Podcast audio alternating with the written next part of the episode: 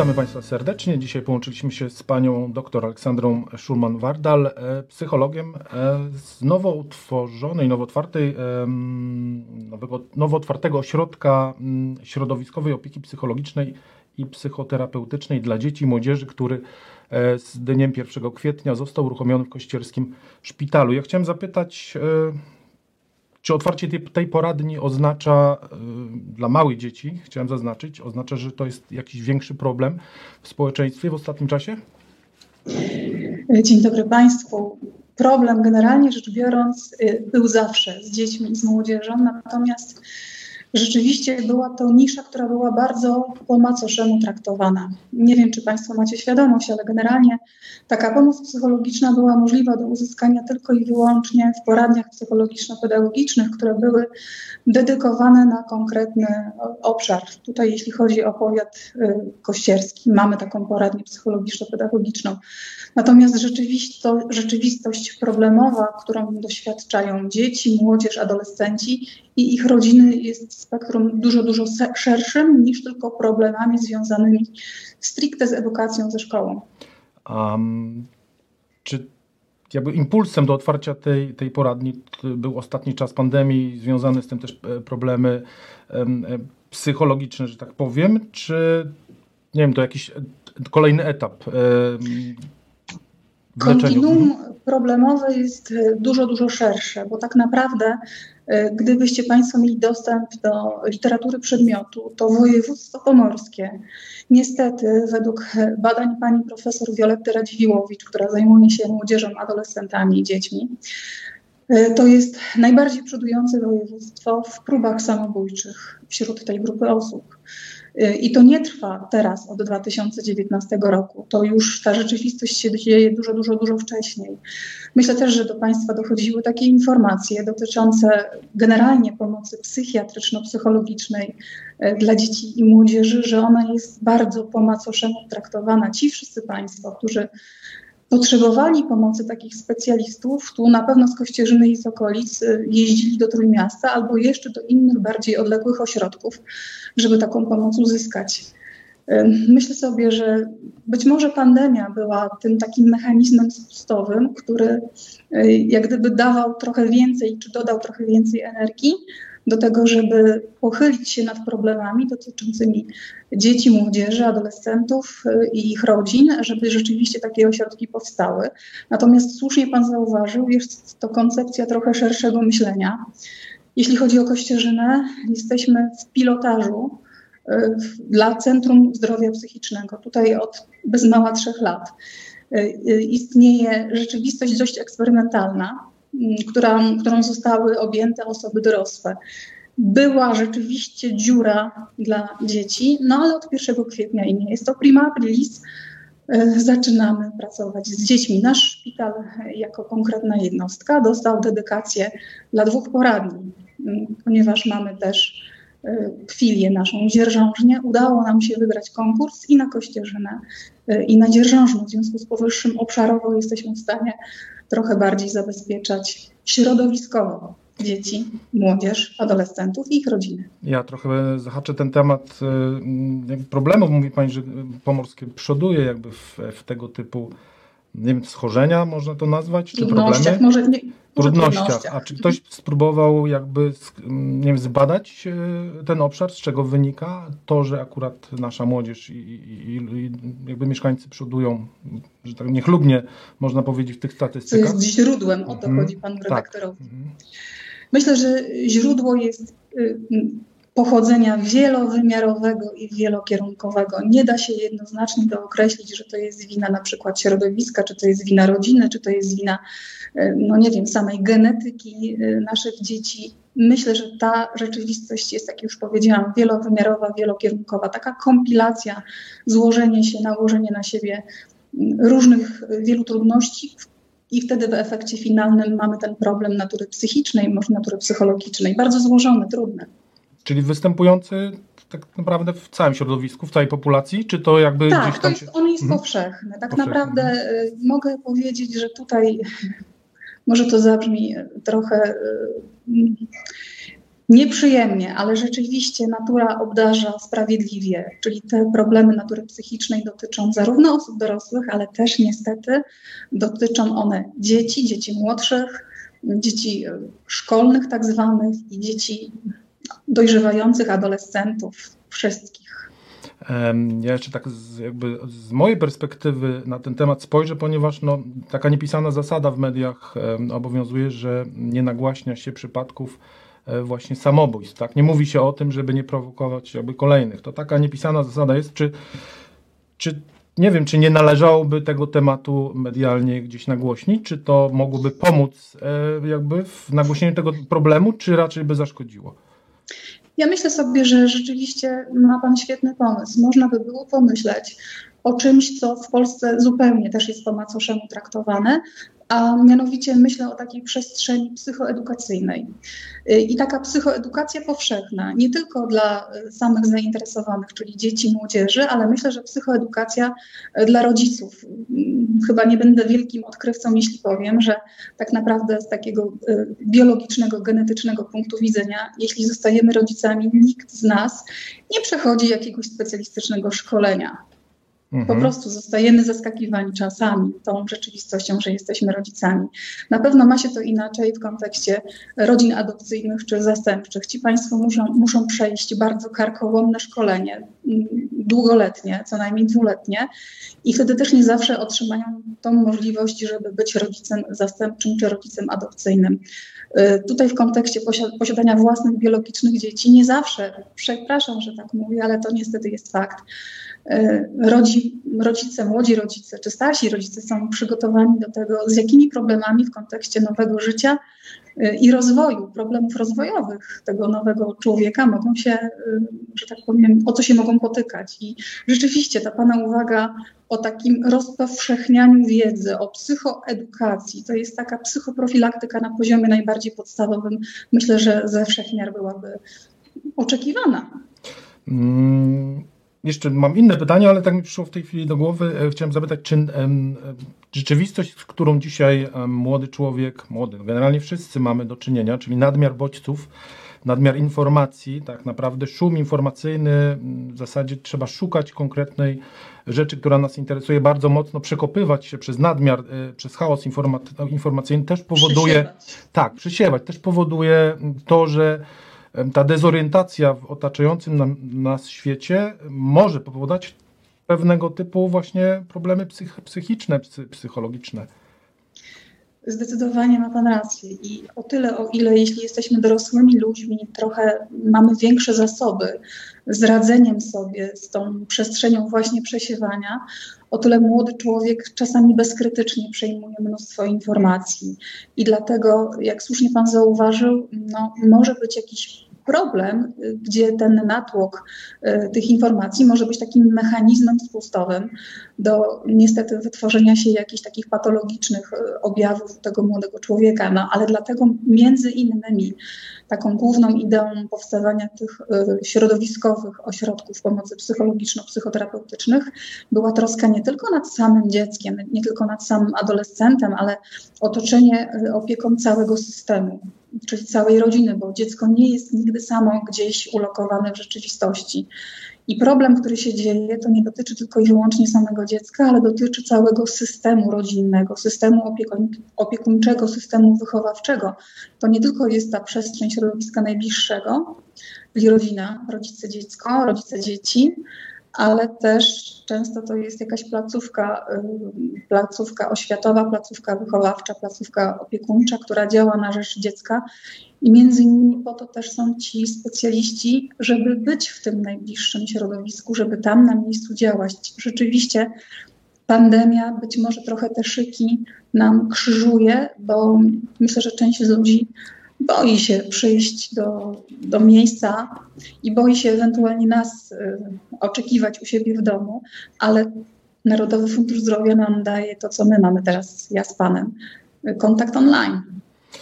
Hmm, dobrze, to ja już przejdę w tym momencie do, do drugiej części moich pytań. Jak rozpoznać e, w domu Czy ma dziecko, czy może współdomownik problem właśnie tego rodzaju, który mówię, problem, ja nie wiem jak to, to się da sprecyzować, to słowo psy, psychologiczne? Problem, problem. o, no może problem. tak, o właśnie. Na co warto zwrócić uwagę, tak? Ja powiem Państwu tak. Teoretycy przedmiotu, którzy zajmują się psychologią kliniczną jako taką, pan profesor Kowalik mówił o takiej diagnozie psychospołecznej. I myślę, że to, co on gdzieś tam opisał bardzo fachowo i bardzo szczegółowo, rzeczywiście przekłada się na taką rzeczywistość e, zwyczajną, rodzinną. On mówił o czymś takim, że pacjent często do specjalisty trafia, uwaga, takie piękne słowo, z protodiagnozą społeczną. To pani to teraz powie tak po polsku? Tak, tak już tłumaczę mhm. Państwu e, dokładnie, co to znaczy ta protodiagnoza społeczna. Otóż, proszę Państwa, jeśli jesteśmy w jakiejś niszy rodzinnej, jesteśmy w jakiejś przestrzeni bliskości, patrząc na tą osobę, która jest dla nas y, emocjonalnie ważna, emocjonalnie bliska, zależy nam na niej, mamy takie wewnętrzne przeczucie, które czasami trudno nam dookreślić, trudno nam doprecyzować, ale czujemy po prostu, że coś jest nie tak. Y, I czasami ciężko nam ubrać to, to już w słowa, ale mamy takie wewnętrzne przeczucie. Mm, w kontekście tej tak zwanej protodiagnozy społecznej często konsultujemy się z innymi naszymi domownikami albo innymi e, osobami, które dla nas są znaczące i bliskie, może z jakąś ciocią, babcią, wujkiem, może z nauczycielem, bardzo, bardzo trafna e, osoba, do której można by się było zwrócić i gdzieś tam uwspólniamy to nasze patrzenie na problem tego konkretnego członka rodziny. I jeśli rzeczywiście kilku osobom wyjdzie, że coś wydaje się, chociaż mamy cień takiego przypuszczenia, że może być nie tak, to właśnie po to powstały te y, nowe ośrodki, żebyście Państwo mieli szansę zweryfikować, wyprostować, y, żeby te wątpliwości mogły zostać rozwiane, bo też nie da się ukryć, że mm, generalnie jako ludzie jesteśmy tak skonstruowani, że na przestrzeni naszego rozwoju, a rozwijamy się przez całe życie. Koncepcja psychologii rozwojowej lifespan mówi o tym, że rozwijamy się do końca życia, może i dalej, ale nie mamy dowodów. Mhm. E, natomiast przez ten rozwój też przekraczamy pewne bariery i każde wejście na szczebelek wyżej powoduje w nas doświadczenie jakichś kryzysów, pozytywne rozwiązanie kryzysu jest wejście właśnie o ten szczebel wyżej, ale nie jest to mm, rzeczywistość łatwa, prosta i przyjemna, to nie jest kaszka z mleczkiem. Czasami rzeczywiście y, wymaga mnóstwa energii i mnóstwa wkładu nie tylko tego jednego konkretnego człowieka. Myślę sobie, że na taką okoliczność lepiej byłoby, nawet jeśli mamy cień wątpliwości, przyjść do specjalisty i usłyszeć, to jest w porządku, to jest rozwojowe, y, to nie jest niebezpieczne. Oczywiście my możemy temu się przyglądać i towarzyszyć, albo możemy usłyszeć, tak, tu jest kłopot, wymaga to oddziaływań terapeutycznych, psychoterapeutycznych. Na tym poziomie y, tych ośrodków, które zostały teraz otwarte, niestety, nie mamy szans i możliwości oddziaływań już takich y, ostrych. Co to znaczy? Jeśli mamy młodych pacjentów y, z psychozą, z jakąś chorobą ciężką, ostrą, rozwijającą się, to w tym momencie my, jako specjaliści tutaj na miejscu, mamy już konkretny obowiązek y, przekazywać tego pacjenta przekazywać informacje rodzinie, że wymaga to już oddziaływań wysokospecjalistycznych na terenie województwa pomorskiego. Mamy takie dwa ośrodki, to też są szpitale podlegające marszałkowi województwa pomorskiego, tak jak nasz szpital specjalistyczny w Kościerzynie. To jest ośrodek y, w Starogardzie Gdańskim i to jest ośrodek na Srebrzysku. To ja zapytam tak z życia. Mm, Proszę. Czy przed pandemią e, takim Zachowaniem, e, które niepokoiło rodziców u dzieci, było przywiązanie do smartfona. To się tak mówiło, że dzieci są po prostu uzależnione. Mamy czas pandemii, gdzie one tak, by, tak naprawdę zostały zmuszone do przywiązania do tego smartfona, tak na siłę, że tak powiem. Ja to mówię też z autopsji, ponieważ e, ta, pierwsze są przywiązane do lekcji online, a drugie są przywiązane do kontaktów rówieśniczych też za pomocą urządzenia. No właśnie, czy to jest problem dzisiaj, czy, czy to można sobie tłumaczyć tak, że to, to, to jest jakby znak czasu? Ja myślę sobie, że tutaj też trzeba y, znaleźć ten klasyczny złoty środek, czyli ani za dużo, ani za mhm. mało, tylko w sam raz.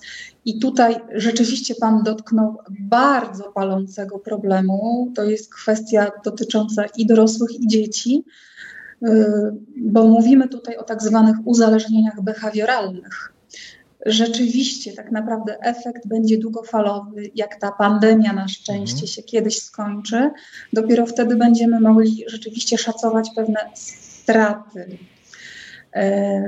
Generalnie rzecz biorąc, tutaj jest kwestia funk sprawdzenia funkcjonalności. Czy taki młody człowiek, czy ja, jako dorosły człowiek, mm, nie jestem w stanie przez, nie wiem, 30 sekund mhm. obejść się bez takiego sprzętu, bo co chwilę mam mhm. kompulsję, czyli mhm. taki przymus sprawdzania. No proszę Państwa, jeśli coś takiego się dzieje, to znaczy, że rzeczywiście już jest niebezpiecznie, ale mm, to też jest tylko ewentualny problem czy przedmiot do weryfikacji przez specjalistów naszego ośrodka, bo okazuje się, że Narodowy Fundusz Zdrowia, nasz monopolista, nie zadedykował nam tych rozpoznań ze spektrum F10, to są właśnie rozpoznania uzależnień wszelkiego typu, i nie zadedykował nam ze spektrum F70, to są niepełnosprawności intelektualne, ponieważ są y, konkretne, y, jednoimienne ośrodki, które są związane tylko i wyłącznie z uzależnieniami, czy na przykład z niepełnosprawnością intelektualną. Mhm. Ale rzeczywiście, jeśli coś takiego by się pojawiło jako coś sprzężonego do jakiegoś jakiegoś innego problemu, my też powinniśmy się jako specjaliści tym zająć. Y, tak naprawdę, panie redaktorze, to będzie coś, co będzie nam chyba towarzyszyło do końca naszych dni. To ja zapytam e, jako specjalistę mm, o sposób, nie wiem, w jaki, w jaki zachęcić dziecko do tego, żeby no inaczej, od, odciągnąć od tego urządzenia, tak? Bo no, to, no jakby tłumaczenie jest proste, no ale ja rozmawiam z koleżanką, bo nie mogę się z nią spotkać na żywo, to chociaż muszę sobie porozmawiać, bo no jakby zrozumiała, tak? Bo to, to jest rozmowa, ale patrząc na to z, jakby z punktu obserwato obserwatora, no to jednak widzi się cały czas obcowanie z tym nie człowiekiem, tylko urządzeniem, tak? I to może niepokoić, to wzmaga jakiś niepokój wewnętrzny. W związku z tym w jaki sposób komunikować dziecku na przykład albo osobie, która faktycznie ma problem e, z przywiązaniem do tego, naszym zdaniem obserwatora, no słuchaj, no nie wiem, wyjdźmy na spacer, czy, czy jakby inne, e, ma Pani na to jakieś recepty? Psychologowie nie dają recept. To jest taka dość istotna informacja, żebyście wszyscy Państwo wiedzieli. Natomiast yy, poradę jak najbardziej. Ryba psuje się od głowy. W związku z powyższym dobrze jest popatrzeć najpierw na siebie, mhm. bo my jesteśmy jako rodzice, jako osoby dorosłe takimi mm, obiektami modelującymi, czyli nasi y, najbliżsi, jeśli chodzi o dzieci, to są ci, którzy na nas patrzą i biorą z nas przykład. Więc słowa mogą dużo mówić i dużo nakazywać, i dużo sugerować. Tak naprawdę tutaj jest przestrzeń przykładowa. Jeśli pan jako tata nie zaproponuje swojemu dziecku atrakcyjnej formy spędzania czasu, to ono rzeczywiście wybierze ten komputer, czy, czy wybierze tego smartfona, czy jeszcze jaką inną y, rzeczywistość taką elektroniczną. Myślę, że tutaj tak naprawdę diabeł tkwi w szczegółach i gdzieś mamy problem w relacyjności, w kontakcie, w komunikacji i w bliskości. I chyba nad tym trzeba było całościowo popracować i wtedy jest większa szansa, że rzeczywiście nasze dziecko nie ucieknie nam w tą przestrzeń elektroniczną. To dobrze, to jeszcze w tym obszarze. To czy lepiej, e, inaczej, czy już sposobem na odciągnięcie od tego, mm, od tego obcowania z urządzeniem, na przykład jest wspólne obejrzenie filmu też w innym urządzeniu elektronicznym, tak w telewizji czy tam. Czy to jest jakiś już sposób, jakiś krok? Pod warunkiem jednym konkretnym, że jak ten rzeczony film się skończy, będziemy rozmawiać na ten temat, co tam się wydarzyło i jakie wnioski wyciągnęliśmy z tego obrazu, który przed chwilą był naszym udziałem.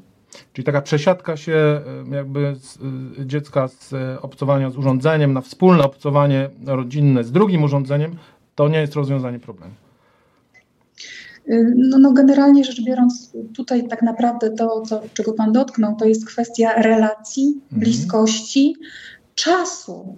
Dla tych osób, które są dla nas strategicznie ważne. Czy my ten mhm. czas w ogóle mamy dla nich? Jasne. To teraz y, zapytam jeszcze o, taka idea się gdzieś tam pojawiła, post cyfrowy, tak? Kiedyś mieliśmy post mięsny, jakby zdrowotny, dieta, a gdzieś mm, czytałem właśnie post cyfrowy. Czy rodzinnie na przykład wszyscy razem mm, warto robić sobie na przykład, nie wiem, no jednodniowy to za dużo, ale na przykład, nie wiem, godzinny danego dnia. Wszyscy nie dotykamy urządzeń. Czy to też jest jakiś krok, e, który, nie wiem, pomoże w uzdrowieniu e, tego problemu, czy to raczej nie ma sensu?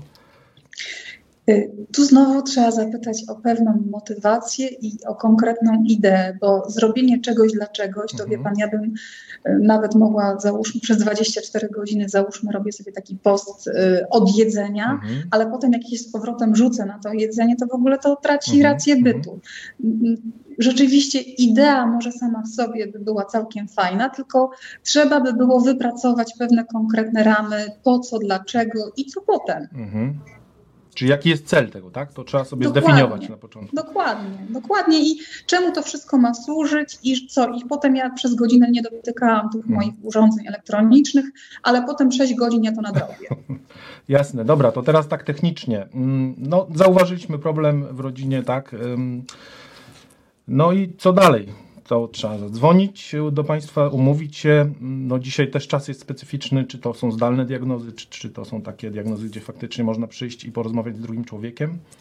Ja powiem tak. Mhm. Macie Państwo do dyspozycji jak gdyby dwie lokalizacje. To jest Kościerzyna i Dzierżążno. Bo Dzierżążno, jak już wspomniałam, jest filią naszego szpitala. E, też pewnie Państwo wszyscy macie świadomość, że szpital specjalistyczny w Kościerzynie e, od ubiegłego roku zyskał miano szpitala covidowego. W związku z powyższym ja sobie zdaję sprawę z tego, że część e, z rodziców, młodzieży czy dzieci może czuć lęk przed przyjściem do nas jako do tego obiektu. Jesteśmy w taki sposób e, zlokalizowani, że rzeczywiście te części poradniane są odcięte od tych części szpitalnych, więc to już jest jedna z możliwości e, takiego zabezpieczenia. Oczywiście uprzedzamy wszystkich naszych tak zwanych pacjentów, klientów, petentów, no jak sobie Państwo wybierzecie tą nazwę, e, że to wszystko, co tutaj się dzieje, odbywa się również w reżimie sanitarnym. Bardzo o to dbamy. Ale zdajemy sobie sprawę z tego, że niektórzy z Państwa mogą mieć tak wysokie mm, poziomy niepokoju związane z możliwością narażenia się na kontakt e, z koronawirusem, że rzeczywiście Narodowy Fundusz Zdrowia daje nam cały czas taką przestrzeń kontaktu online, online'owego. W związku z powyższym, tak naprawdę w tym pierwszym kontakcie, kiedy Państwo się rejestrujecie, możecie się zarejestrować i online, i możecie się zarejestrować przez telefon, i można się zarejestrować y, przychodząc fizycznie. My ustalamy tą pierwszą wizytę, tą wizytę diagnostyczną, na jakiej najlepszej zasadzie ona może się odbyć dla osoby, która oczekuje tego kontaktu. To już są różnice indywidualne. E, czy to się przychodzi na um, konkretną godzinę? Czy trzeba czekać w kolejce? Nie, nie, nie, nie, absolutnie nie będzie czekania w kolejce. Mhm. I nigdy tutaj w Kościerzynie do psychologów Państwo nie czekaliście w mhm. kolejce.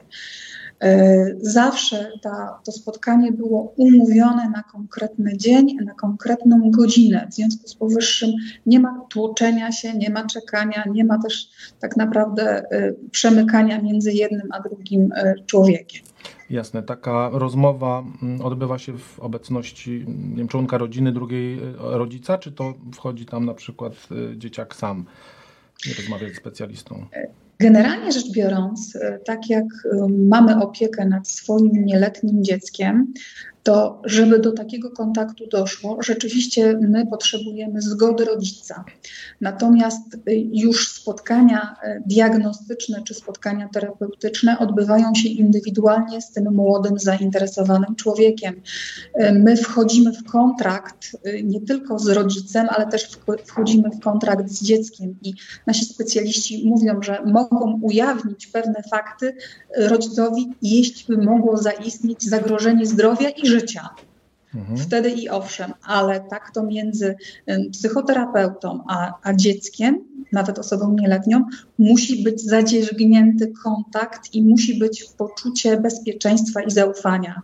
Jasne. Dobra, to jeszcze na koniec e, bym poprosił. E, Przepraszam, ja jeszcze A... dodam może mhm. jedną rzecz.